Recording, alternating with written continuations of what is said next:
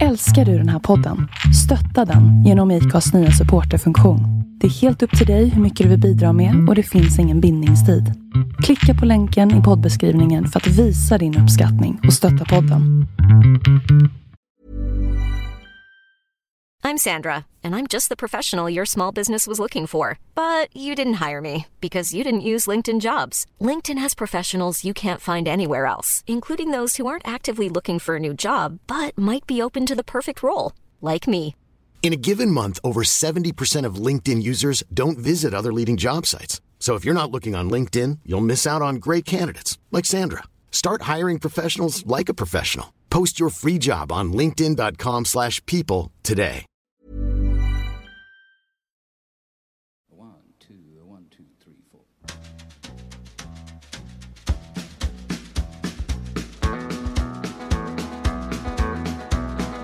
On the road again. Just can't wait to get on the road again. The life I love is making music with my friends. And I can't wait to get on the road again. On the road again. Going places that I've never been. Seeing things that I may never see again. Ja, när man passerar Örebro så händer det bara bra grejer. Ja, procent. Och sen på andra sidan Örebro så går det lite som det går. Nu är vi på väg hem och har lämnat av Omid som har åkt i en bil hem tillbaka till Tranås. Och vi har tittat på en fastighet och krånglat med lite tråkiga papper och intressanta mäklare och, och så där vidare. Bara massa tråkigheter men sånt som ska göras. Fortsätt du. Ja. Kan vi bara understryka och hålla med. Eh, ja, det är otroligt mycket glädjedödande aktiviteter för närvarande. Så kan man säga. Men det är ju ett, så här, ett ont måste. Med lite tur och, och eh, skicklighet så kommer man på, ut på rätt sida och kan göra någonting vettigt. Ja. Så får man nog resonera. Och sen själva tragiken i det här människoödet som eh, det är ju, ja. Men du, det biter nog mera på dig än vad du tror eller vet eller känner. Ja, då, då kommer jag ha det jobbigt framöver. Nej, men jag tycker det är jättejobbigt. Ja, men det här är ju en del av terapin. Du har varit och tittat på din biologiska pappas två efterlämnade hus. Absolut inte mycket att titta på och försöka krångla med efterarbetet av dessa fastigheter. Mm. Ja. Sånt som ska göras. Ja. Det är bara tacksamt att, eh, att man har professionella människor inblandade i det här som gör det här som skulle vara superjobbigt annars. nu i, i Omids frånvaro i denna bil så kan du tänka på hans egen stad Shiraz. Han nämnde alldeles i förbigående och hur den står under enorma vattenmassor. Där hus, lastbilar och bussar spolas bort bara. Ja. Där har du en annan variant utav att hantera sin vardag. ja, men inte hans hus däremot. Nej, men hans vänners, Ja. hans landsmäns, hans... Ja. Och i den delen, den heter Khuzestan, den delen, den är jätteintressant för där, där är det biblisk eh, koncentration. Ja. Shiraz. Dessutom så kommer det en vindruva från Shiraz som heter Shiraz. Eller Syrah på franska. Som är en av de mer kända vindruvorna. Och ger ett rött vin. Mm. Så fick vi med lite franska i den här. Ja, man ska aldrig missa en möjlighet att säga ett enda franskt ord. Det är så. Göteborg. Ja, Mariestad. ja, ja. Det är ju franska på den sidan vet du. Ja. Veiby. Han Hjalmar, vet du. Jaha, kommer han därifrån? Ja. Jaha. Eh, eh, Bortsett från att du kämpar med ditt inre fast du inte vet om det. Hur eh, har dagen varit för, förutom det? Nej, men det har varit mycket ilska. Det måste jag ändå erkänna. Så att... Eh, ja. Visste ju att det var en tröskel i bara att åka hit. Men alltså att den, den tröskeln var två och en halv meter hög. Det hade jag inte tänkt att... Jag tänkte att det skulle bli problem, men inte den här typen av problem. Eh, Men eh, sen blir det som förra gången att när man väl börjar närma sig hemma så börjar man reflektera och att det är ganska bra att, att se den här tra- tragiken och sådär. Men eh, ja. Eh, alltså om man åker på en resa och det bästa är McDonalds då var det en dålig resa. så kan man resonera. Jag har varit inne på McDonalds i Rom. I Barcelona. I Paris. I Berlin. I Rom var jag bara inne, sen gick jag ut. Det var mest för att kunna säga som jag gör nu, att jag har varit inne på McDonalds i Rom. Men varje gång jag har varit där och alltså på olika, i olika städer så är det mest för att kolla hur deras Big Mac är. Och eh, vilka som är dålig och vilka som är bra och sådär va. Barcelona leder nog ligan neråt så att säga. Det var nog den sämsta Big Macen. Men det där är inte min egen idé utan det finns ett Big Mac-index från, om det är The Economist eller Financial Times. Det är nog Financial Times. Som mäter kostnader i världen via detta Big Mac-index. Var kan man köpa en Big Mac billigast och dyrast? Och det är inte bara en, eh, att man översätter en valuta till en annan. Utan det är hur mycket man måste arbeta för att få disponibel inkomst för att kunna ägna sig åt en sån sak som en Big Mac. En jättespesad lista som Financial Times har tagit fram. Den har funnits i 30 år. Big Mac-index. Ja, men det har läst om. Ja. Det är ju inte konstigare än BNP och sådana. Nej, det är också en lista. Vi har ju haft eh, Isabella, min äldsta dotter, här bak i baksätet. Ja, Och hon har kommit med ganska kloka grejer här emellanåt. det är en klok flicka. Ja. Hon har ju sagt hela tiden att det går inte att ha en bättre pappa än mig. Och jag är beredd att stryka under det. Du är beredd att hålla med? Ja. Har du umgås för mycket med mig? Är det det, är det felet? Jag börjar bli arrogant. Det är ju... Men jag håller med Isabella. Hon är inte bara klok, hon är dessutom vacker. Ja. Och här säger hon vissa saker och kan reflektera med sin 13-åriga mentala med sitt mentala sinne. Ska du säga hej till publiken?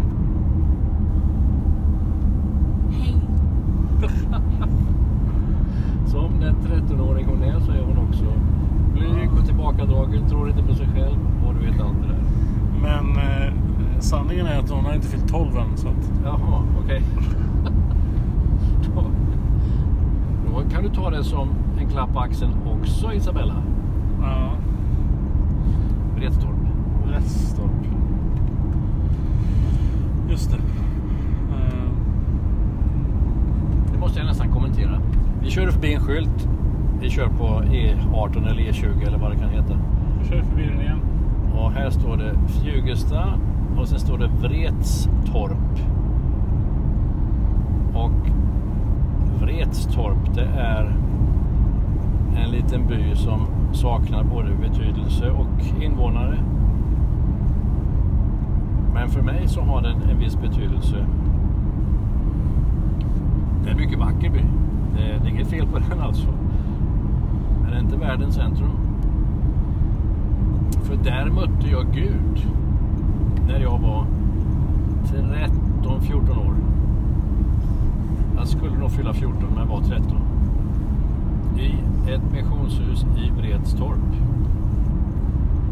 1972 i mars eller april. Ja, det är lite vibbar i luften här. Men eh, vi kan prata lite grann om det för att det... Det inte ett. Jo men nej, kanske inte just eh, eh, att du mötte Gud i Vretstorp utan snarare så här att eh, när man i den åldern går från att eh, vara ganska omedveten om Jesus till att ta, ta emot Jesus i sitt hjärta. Hur var det liksom om du tänker att du åkte dit och inte var sådär jättepeppad till att komma hem och hade tagit till dig Jesus? Vad, hur påverkar det ditt dagliga 13-åriga liv? Ja, inte så mycket, men det var ju en... Alltså det här var en eh, påtaglig upplevelse i min kropp. Jag kände när det hände. Ursäkta rimmet där. Eh, och sen när jag kom hem. Vi hade varit ett gäng där uppe. Då, då fick jag möjligen tänka mig hur, jaha, vad ska det här bli? Hur, ska, ska jag säga det till någon? Ska jag, ska jag prata med mina föräldrar? Ska jag, allt sånt där. Tonårs, lite med rebellkant på det hela. Och jag var ju en bad boy utan tvekan. Så att eh, det där var ju ett ställningstagande som fick sakta men säkert sätta sig och finna sin plats i mitt liv och mitt, ja, min 13-åriga tillvaro. Trött på skolan och sådär. Men kände du någon skam eller sådär så att du skämdes för det? Ja, det, det gjorde jag nog som tonåring, det tror jag. Som 13-åring. Eh, och det försökte jag nog eh, att inte tänka på bara. Ja. För att jag tänker sådär när vi möter tonåringar i vår egen församling. Så då får man ju verkligen inte den känslan. Speciellt inte med den förra konfagruppen som var väldigt sådär Jesus-orienterad. Ja, ja. Det här var ju för sig under 70-talet. Jag ska inte skylla ifrån mig på något sätt. Det har varit en stötesten i alla tider att erkänna Jesus i ens liv. Så har det varit sedan första pingstdagen. Men på 70-talet var det ännu mera vanligt eller populärt eller modernt om du så vill att vara emot Gud, Guds tro kyrka och vad nu den har gjort i alla dagar. Det vet ju alla hur mycket illa den har gjort och så vidare. Eh, det var möjligen mera, jag höll på att säga ett franskt ord nu, comme il faut, att vara tvär gentemot kristen tradition. Det är jag rätt så säker på. Så, och det är ju säkert mindre Eh, farligt att erkänna Jesus som en del av sitt liv för en tonåring idag. Och det, jag tror det blir mindre farligt också eftersom kristna värderingar, det vill säga hela vårt svenska, nordeuropeiska, västeuropeiska samhällsarv är stöpt enligt kristna värderingar. Och det kommer i blixtbelysning när du ser andra värderingar eh, som kommer in med alla invandrare. Som kommer in med folk som tar för givet att kvinnor, flickor är värda lika mycket som hundar och katter. Ja, men du säger att våga erkänna att man är troende. Ja, Då får vi oss eh, osökt att falla tillbaka till eh, eh, när vi pratade med Omid där för några timmar sedan. Han hade ju sitt vittnesbörd i kyrkan som var ett väldigt censurerat vittnesbörd för det som han har berättat för mig och Pekka tidigare eh, var absolut inte hemligt men det, det fanns detaljer där som som gjorde hela situationen ännu värre som folk inte förstod. okej. Eh, bland annat så vart de ju förrådda. Alltså, nu snackar vi bibel på riktigt. Ja. Eh, av eh, några som ingick i deras underground-kyrka. Alltså. Det var ju det som satte igång hela den här eh, rulliansen med att... Ehm, jag ska inte svära att det var i kyrkan men i alla fall någon i deras närhet. De var be, blev förrådda av, av någon som de kände väl. Anmäla till någon Ja, som anmälde då att Banou var kristen. Okej. Eh, och eh, då vart det en razzia hos dem när de hade den här underground-kyrkan. Och de hittade väl ingenting men de vart i alla fall fängslad under några dagar. Och eh, sen hade han som tur några högt uppsatta vänner som såg till att han fick allting sålt. Så de fick kapital och sen så reste de då ur Sverige. Ur Iran framförallt. Ja, ja precis. Förlåt. Ur, ur eh, Iran och till Italien. Eh, och därifrån då vidare till Sverige och sådär. Eh, och sen försökte de med även, det pratade han ju om, om att han försökte ta sig, eller liksom skaffa jobb och ett liv i Tyskland sådär. Men det var eftersom han hade haft samarbetspartners. Men han var ju bränd. Ja. Eh, av, sin, av de företag som han hade varit konsult hos var han ju liksom bränd. Så det fanns liksom ingenting. Och då blev Sverige det naturliga på något sätt. Ja. Och där blir det liksom lite raka motsatsen till de andra asylsökande som man får här. Som liksom... Eh, alltså för mig är det naturligtvis konstigt att vi inte är ett mer troende land. ja, det tycker han med all rätt för all Ja, men han har ju också liksom, det är därför han kanske passar in så bra här. För att han har inte fått praktisera ett troende liv Nej, just när han har bott i Iran. Så det, det gör kanske saker och ting enklare än vad det gör för en muslim som kommer till Sverige och ska liksom försöka hitta någon muslimsk tillvaro i Sverige. Det är ju som att leta svamp på en grusgård liksom. Det, det går ju inte. Nej, och det kommer hela tiden bli trösklar, hinder och problem när en varmt och fromt troende muslim försöker att vara varm och from och troende i Sverige. För här ställer hela samhället hinder i vägen. Eh, Sen eh, så, tänker man att det är svårt att hitta en, eh, någon som lever ut sin muslimska tro och varm och from. Jo, jo, alltså det, de får hela tiden spä ut den. För om du skulle ha en, nu är det dumt att säga varm och from här, men om du skulle ha en övertygad och tvärsäker muslim, då blir det IS-soldater. Då blir det Al-Azhar-universitetet i Kairo. Och, och frågan är om det finns någonting värre än det. Ja, ja, ja alltså, det finns grader i helvetet naturligtvis. Och, Ja, men alltså om du tänker, sätter in det i, i, i den här situationen. I ett Sverige som blir mindre och mindre kristet. Eh, där eh, det finns en redan nu någon sorts avståndstagande gentemot islam efter alla rapporter man får fått från IS och allt det där. ja, Det, alltså rent, dels geografiskt så finns det ju bättre länder för, för muslimer att eh, komma till. Om de nu vill fortsätta leva ut sin, sin tro, vilket de har all rätt i världen. Ja, de har all rätt i världen att göra det. Eh, Men med sådana gråzoner som att ha eh, böneutropen som de då har tillåtelse temporärt i Växjö och möjligen några andra kommuner. Ja, Botkyrka tror jag. Så är det kanske. Och där är det eh, oprövat. Men de fick tillåtelse i Växjö för sakens skull kanske. Och för att de skulle vara lite progressiva i kommunfullmäktige där. Ja, eller markera mot Sverigedemokraterna ni kan inte komma Kan hit. vara, och- kan vara sånt också. Men det är egentligen otänkbart att ha ett muslimskt bönutrop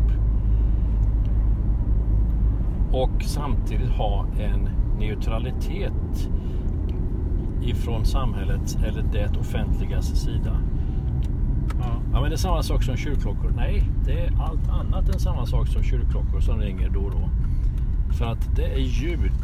Men det här är en bekännelse. Och ja, men det är ingen människa som förstår. Nej, det spelar ingen roll. Om det är på arabiska som man inte förstår. För att orden sägs ändå. Eh, och det är en bekännelse som när man läser en översättning inte någon riksdagsledamot skulle skriva under på. Nej, alltså, men det är det jag menar liksom att för, att, för en muslim, en rätt, rätt, rättstrogen, rätt trogen eh, muslim har ju, eh, skulle jag enk, eller säga att en rätt trogen muslim från Syrien eller Irak skulle ju ha lättare att akklim- akklimatisera sig i ett land som eh, Jordanien eller Egypten eller än vad de har att göra det i Sverige. Ja. Rent, eh, Trosmässigt. ja, Rent religiöst, oh ja. Men det, eh, dit får de inte komma och där har de ingenting att hämta. nej. Det finns ingen, ingen framtid i sådana länder. Och jag menar inte heller att, att jag inte skulle vilja att de kommer hit. För någonstans så är varje kristens uppgift att eh, försöka liksom få med så många som möjligt till eh, himmelriket. Liksom. Ja. Så, så ju mer ju bättre, ju fler att eh, omvända liksom. Jo, det har du den bästa av världar bild. Men under tiden som man försöker visa på kristen tro och vad den betyder och vad du saknar, du som inte har denna kristna tro. Under tiden som, man, som det sker så ska du ändå vända andra kinden till och gå den extra milen. Ja. Alltså det är en ganska omöjlig religion som vi har du och jag. Eller så är det just det. Jag säger som Pekka, det är ingen religion, det är en relation. Ja, det är precis vad det är. Men eh, alltså, det, det är klart att det, det blir tuffare. Men samtidigt så här. Eh, vi har inte skrivit under på någonting för att det ska vara lätt. Utan Nej, för att det är nej. rätt. Ja. Och eh, jag menar, ja. Det, det är väldigt mycket tuffare att eh, få en muslim att komma till kyrkan än att få en vanlig svensk som kan liksom på något sätt pina sig igenom ett, en gudstjänst. Nej, nej inte, inte mycket lättare. För att få en muslim att komma till kyrkan, då kommer han eller hon ändå att ha en uppfattning att jag går hit för att här finns Gud också. I detta hus finns han också. Eh, alltså de kan ha en kyrka, en svensk kyrka med kors på taket som plan B. Det går. Ja, men finns det någon som resonerar så? Nej, men jag tror att de gör så utan att de tänker på det. Ja. Jag tror att eh, jag tror inte det finns någon direkt jättemotstånd mot att öppna dörren och kliva in. Ja, men då, då pratar vi i argument i, i paritet med att det, är inte, det svåra är inte att introducera Gud för. Nej, för den är, den är ju gratis det Ja. steget. Nej, utan det är Jesus som är Ja, ja, svårigheten. ja. Alltid, alltid. Men eh, som jag har hört många säga det här, att men, eh, judendomen, eller judarna, de kristna och muslimerna har samma Gud. Ja, Stämmer det? nej. Varför säger folk det? Ja, det är för att vara vänliga, för att man ska vara lite eh, wide open på något sätt. Eh, om, om det nu stämmer, då får man acceptera att det finns mer än en sanning. Det du säger och det jag säger, det är två helt olika ojämförbara storheter. Båda två är sanna. Så kan det inte vara. Det här är bara filosofi, det här är ju inte religion. Det är inte ens teologi, det här är, ren, det är nästan matematik. Om det står att Jesus uppstod från de döda och de andra religionerna säger nej. Okej, då kanske de två andra religionerna har rätt och jag fel. Eller kristendomen har fel. Om det står att om överhuvudtaget Jesus nämns inom islam. Där heter han Issa. Det är precis samma namn. Så gör inte det den religionen mera kristendomsvänlig. Inte alls. Han nämns 25 gånger för övrigt. Men pratar inte mer än en enda gång. Alltså han öppnar munnen en gång. Det är när han i Koranen omnämns att ha gett liv åt en fågel av lera. En fågel som, som då är gjord av jord, av lera och så blåser han sin livsande där i och den flyger iväg. Det är enda gången som han pratar använder ord eh, enligt Koranen. Den historien finns ju inte i Bibeln, inte i Nya Testamentet och finns inte någon annanstans. Eh, och det kan man ta som intäkt till att Koranen är modernare och bättre. Det är så de måste se det. Så att det finns inte... Om man inte kan köpa hela paketet, hela kristendomen och försöka... Om man då inte kan kombinera ihop det med hela judendomen, då är det inte samma Gud. Nej. Ja, men det är alltid Abrahams barn. Vi är, all, vi är alla Abrahams barn. Jo, jo. Ja, men vad spelar det kan, för ja, roll? Men det kan man ju resonera kring hur mycket man vill. Ja. Men om man då är som kristen då och säger att ja, men vi har en Gud och vi har Jesus. Det är liksom den, den sanna berättelsen. Eh, då, måste, då måste man ju också samtidigt säga att, att det som ligger till grund för judendomen och det som ligger till grund för islam är bara hittepå. ja. Nej, inte judendomen. För att den stannar vid Vid Jesu födelse. Nej, den stannar vid Malakis bok 400 före Kristus. Eh, sen finns det ingenting annat än andra tillägg och beskrivningar. De heter Gemara och Mishna, Talmud. Eh, och det där är utläggningar mycket läsvärda. Och hur många sidor som helst av resonemang. Det helt normala sättet för en jude att diskutera. Om du träffar två judar så får du tre synpunkter. Så är det alltid. Det är lite märkligt. Hur menar du då? Ja, alltså de har varsin synpunkt och så finns det en tredje som båda två har fast de inte har den. Eh, liberalismen återigen är mycket påtaglig inom judiskt tänkande. Sen har du de här äh, som har gräddtårtor på huvudet och runda hattar och står och nickar. De är genast mindre liberala och mindre öppna och mindre allting. Och har en större tvärhet och avoghet mot allt och alla. Och gör inte militärtjänsten och krånglar med allt och alla även i Israel. Eh, det är en svår grupp, men det är alltså en hanterbart liten grupp. Men när tillkommer de i historien liksom? Ja, i Litauen på 1300-talet.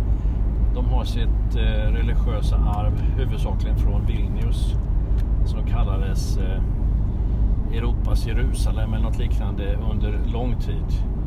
De litauiska judarna har haft stor betydelse i Europa och därefter har stor betydelse dess arv i alla fall i eh, Israel. Ja. Tänk vad man lär sig när man hänger med dig. Nej, Jag ska få en annan sak du kan lära dig. Ja. Om man åker från Örebro och neråt så kan man åka till Laxå Ja. om man vill ta en omväg. Eller så kan man åka till Askersund direkt. Nu åkte vi till Laxå fast jag sa ingenting när vi var där. Nej, men jag såg skylten. Jag tänkte bara att det vore dumt att säga någonting när vi spelar in. nej, nej, nej. Så nu har vi kört fel även på hemvägen. Ja. Visst är det märkligt? Mm. Men nu kan man ju ändå konstatera att Lotta Engbergs pappa fortfarande bor här. Ja, ja, ja, ja, Så ja vad att, trevligt. eh, Och ESAB svetsar finns där också. Ja, det är fantastiskt. Ja. Känner du för ett slutord? Jag håller på att svänga mellan Laxsjöarna. Det är ju världens kurvigaste väg. Mycket, mycket vackert. Men jag kanske kan avsluta då av det skälet. Ja. Eh,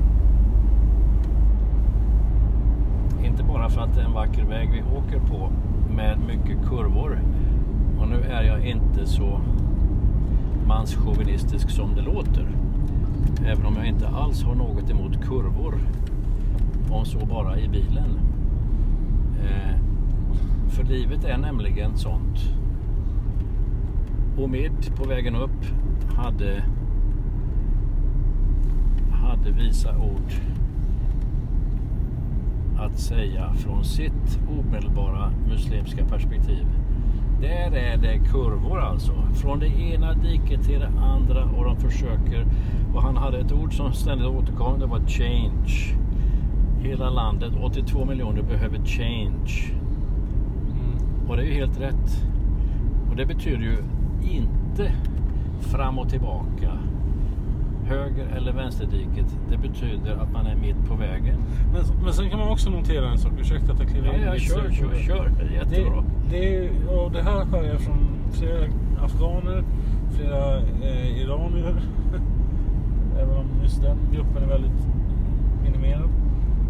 Att eh, vi har inte bytt religion, vi har bara hittat en ny väg. Ja, Alltså det är väldigt känsligt att säga att de har bytt ja religion. det är det, det är det. Och jag tror dessutom att det är rätt formulerat. Trots Nej, jag, jag har inte bytt religion. Ja, men du kommer hit. Ja, men jag har inte bytt religion. Jag har hittat en bättre väg. Det är... Det kan inte vara bättre sagt. Nej, men på något sätt så om man då går tillbaka till det vi pratar om att vi inte delar samma gud Ja. så, så blir det ju något mot- motsägelsefullt. Nej då, nej då. Eh, tron på en högre existens, vi kan kalla det Gud, eftersom de flesta kallar det Gud på lite olika språk. Den finns där, det är steg ett. Tron på att denna högre existens har gett sig till känna genom att födas av en ung flicka, växa upp, träffa 12 obildade män ifrån Galileen, lära dem under tre år att det här är bara början. Nu ska ni presentera det här materialet. Ni kommer dö på kuppen, alla utom en. Och det här är det nya. Att Gud i himlen själv går den vägen för att kunna umgås med syndiga människor eftersom han är helig och inte kan umgås med synden. För att vi ska kunna umgås, ta del av, ha tillträde till Gud Fader i himlen så måste han själv ta straffet för den synd vi är födda med. Och det blir vid Golgata. Ja. Om man då försöker tippexa bort Golgata för att hitta något gemensamt med Abrahams barn. Ja, då har man skjutit sig själv.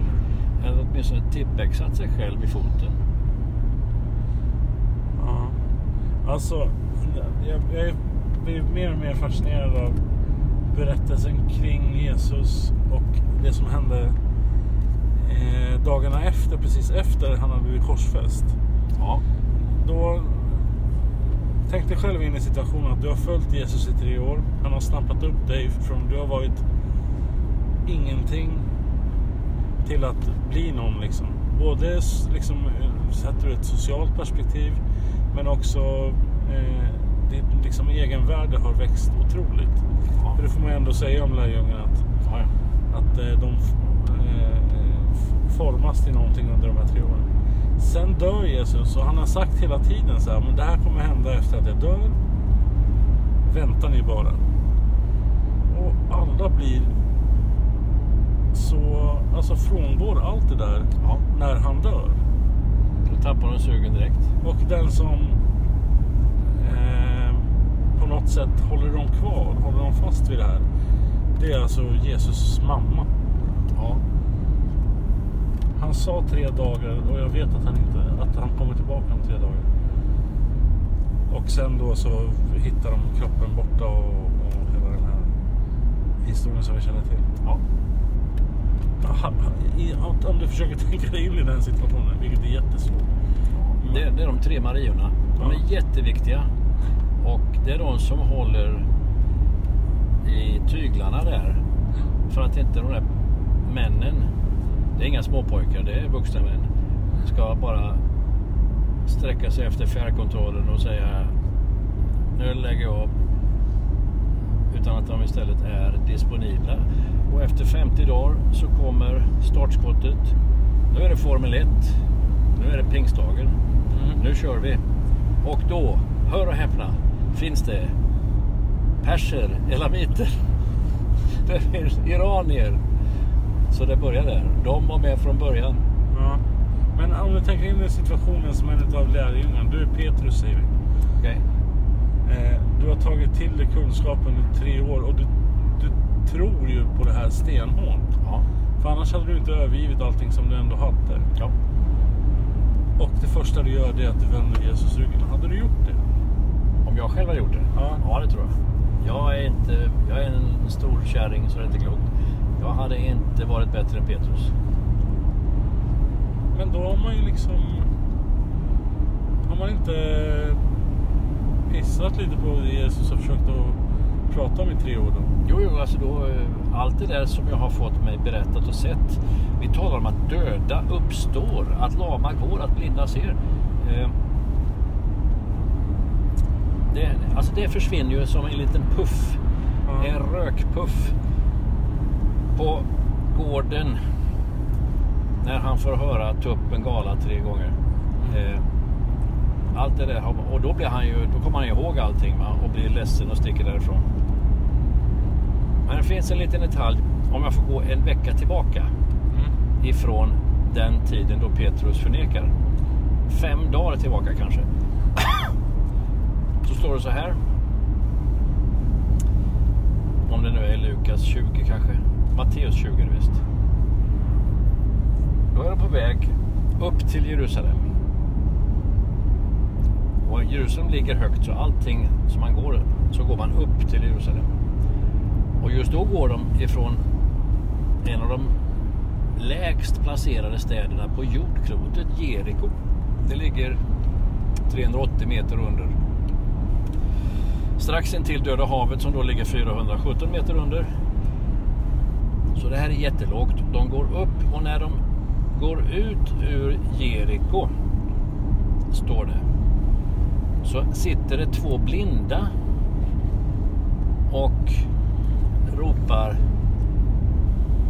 Davids son förbarma dig över oss. Davids son. Och de, de härjar och skriker så att lärjungarna blir irriterade och försöker tysta ner dem. Och då ropar de ännu högre naturligtvis. Davids son. Och alla ser att de är blinda för att de har eh, sina blindkläder på sig. Som ger dem rätt att tigga. Det är också inskrivet i lagen i Gamla Testamentet. En ganska social lag för övrigt. Nej, de tystas ner och då vänder sig Jesus om. Tittar på de här blinda stackarna. Den ene heter Bartimeus förresten. Är du kvar? Ja, Och, och så säger han. Nej, så här står det. Då kallade han dem till sig. de blinda. Då kallade han dem till sig, de två blinda. Man leder dem till honom. Och i nästa mening frågar han. Vad vill ni att jag ska göra för er? Där har du en djup sanning som man kan tugga på i en vecka. Jesus kallar till sig och vi får frågan. Vad vill vi att han ska göra för oss? Historien fortsätter. Det här är en vecka före påsk. Han ska snart dö. Herre, ge oss vår syn tillbaka. Det är ju klart de säger det. Då sträcker han fram handen. Redan där är det förbjudet. Och så får de sin syn tillbaka. Alla lärjungar, inklusive Judas Iskariot, ser det här. Alla ser att det sker. Alla har varit med om att tysta ner de stackars blinda tiggarna. Och så sker det här undret. Sen fortsätter historien med att de gick vidare till Jerusalem. Där har du en sanning Tony. Ja. Han kallar dem till sig och han frågar Vad vill ni att jag ska göra för er? ja. Men... Eh, fattar nog inte riktigt. Alltså, jag fattar vad du säger alltså, men jag fattar inte hur det på något sätt eh, går att knyta an till det som Petrus gör när, på långfredagen. Mm. Skärtorsdagskvällen eller på natten?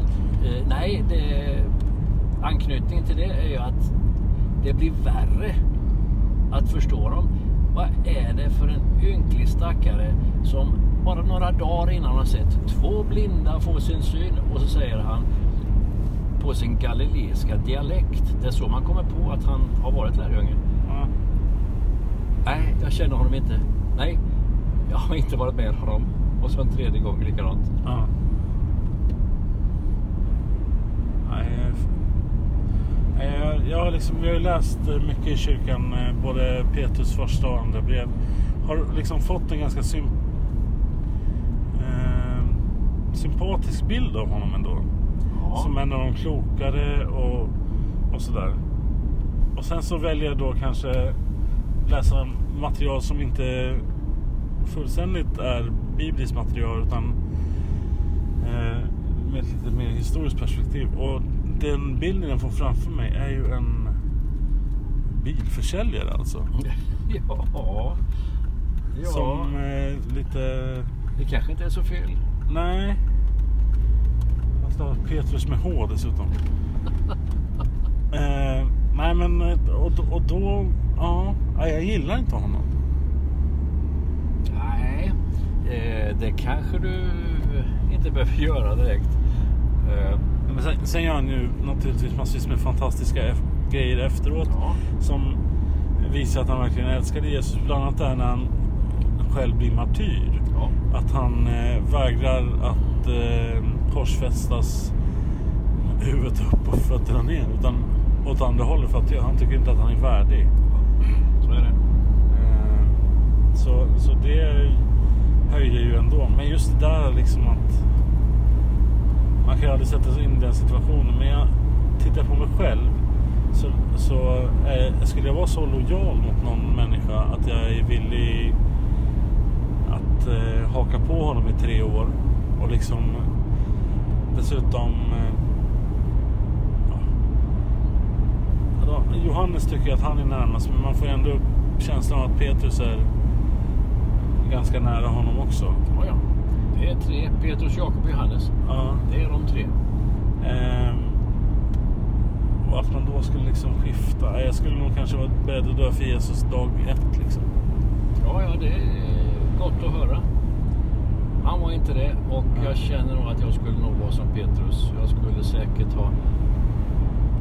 Nej, du skulle, du skulle ha försökt att snacka omkull de här prästerna. Det skulle du ha gjort.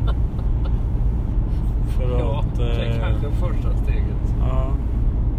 Sen kanske du skulle bli avrättad tillsammans med Jesus. Det, det känns som mer troligt. Ja, varför inte?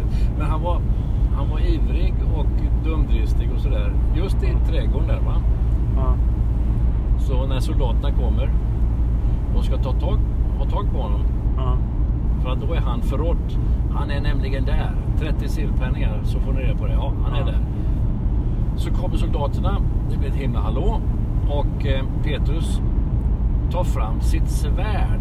Hugger av örat på en stackare som inte är annat än oskyldig. Han heter Malkus. Den stackaren som får örat avhugget. Jesus sträcker sig ner, sätter fast örat igen och så Alltså även där sker ett under. Nu är vi inne på elfte timmens 53 minut. ja. Det här får mig osökt att tänka på den här äh, två killarna som varit kidnappade. Som du berättade om. Ja, ja. Eh, och att de blev liksom förtrogna med sin vakt liksom. Ja, just det. Och man tänker att den reaktionen borde kanske den här soldaten ha haft i Jesus.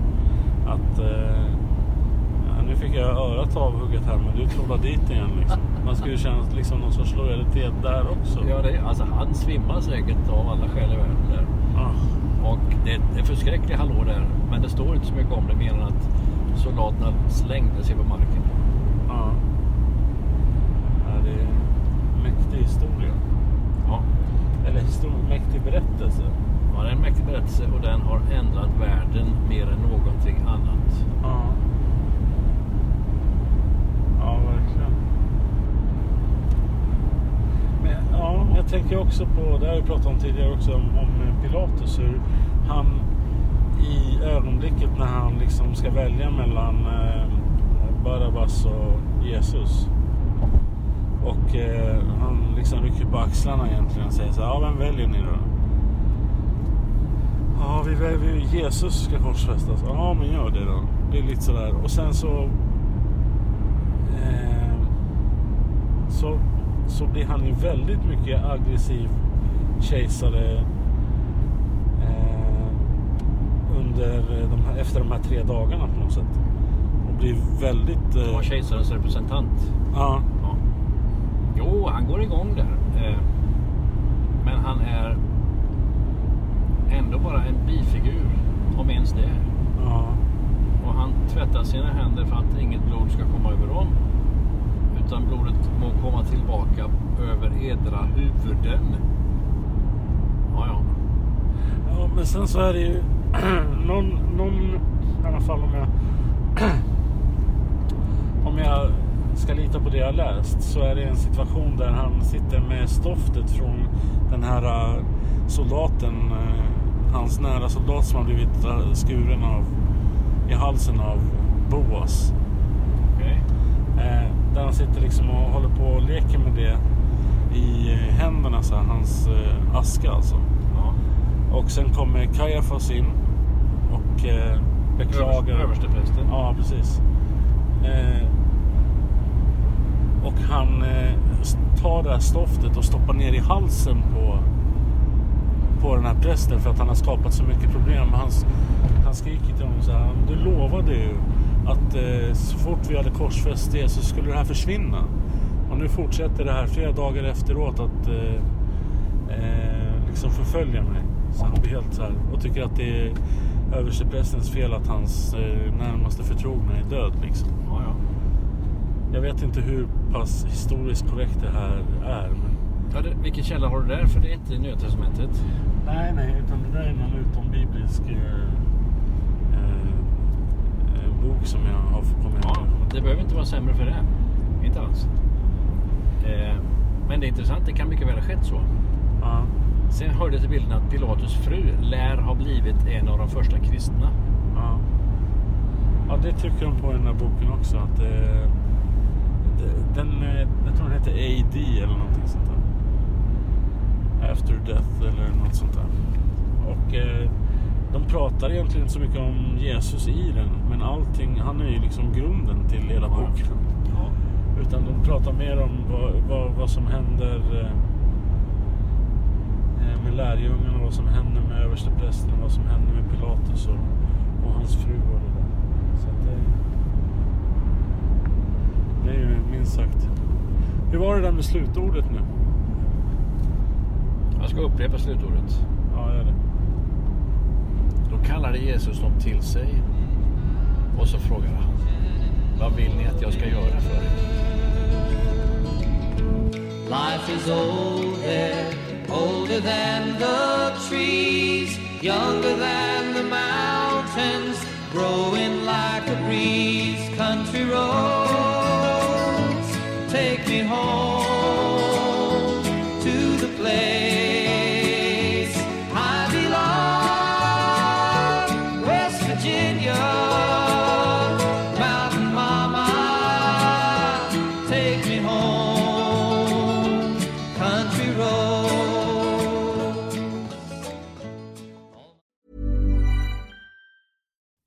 When you make decisions for your company, you look for the no brainers. And if you have a lot of mailing to do, stamps.com is the ultimate no brainer. It streamlines your processes to make your business more efficient, which makes you less busy. Mail checks, invoices, legal documents, and everything you need to keep your business running with stamps.com.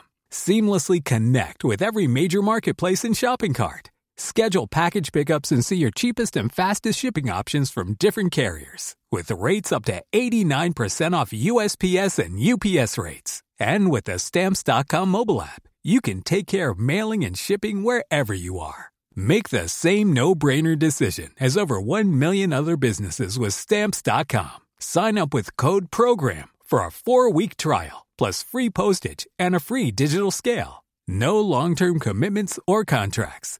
That's stamps.com. Code program.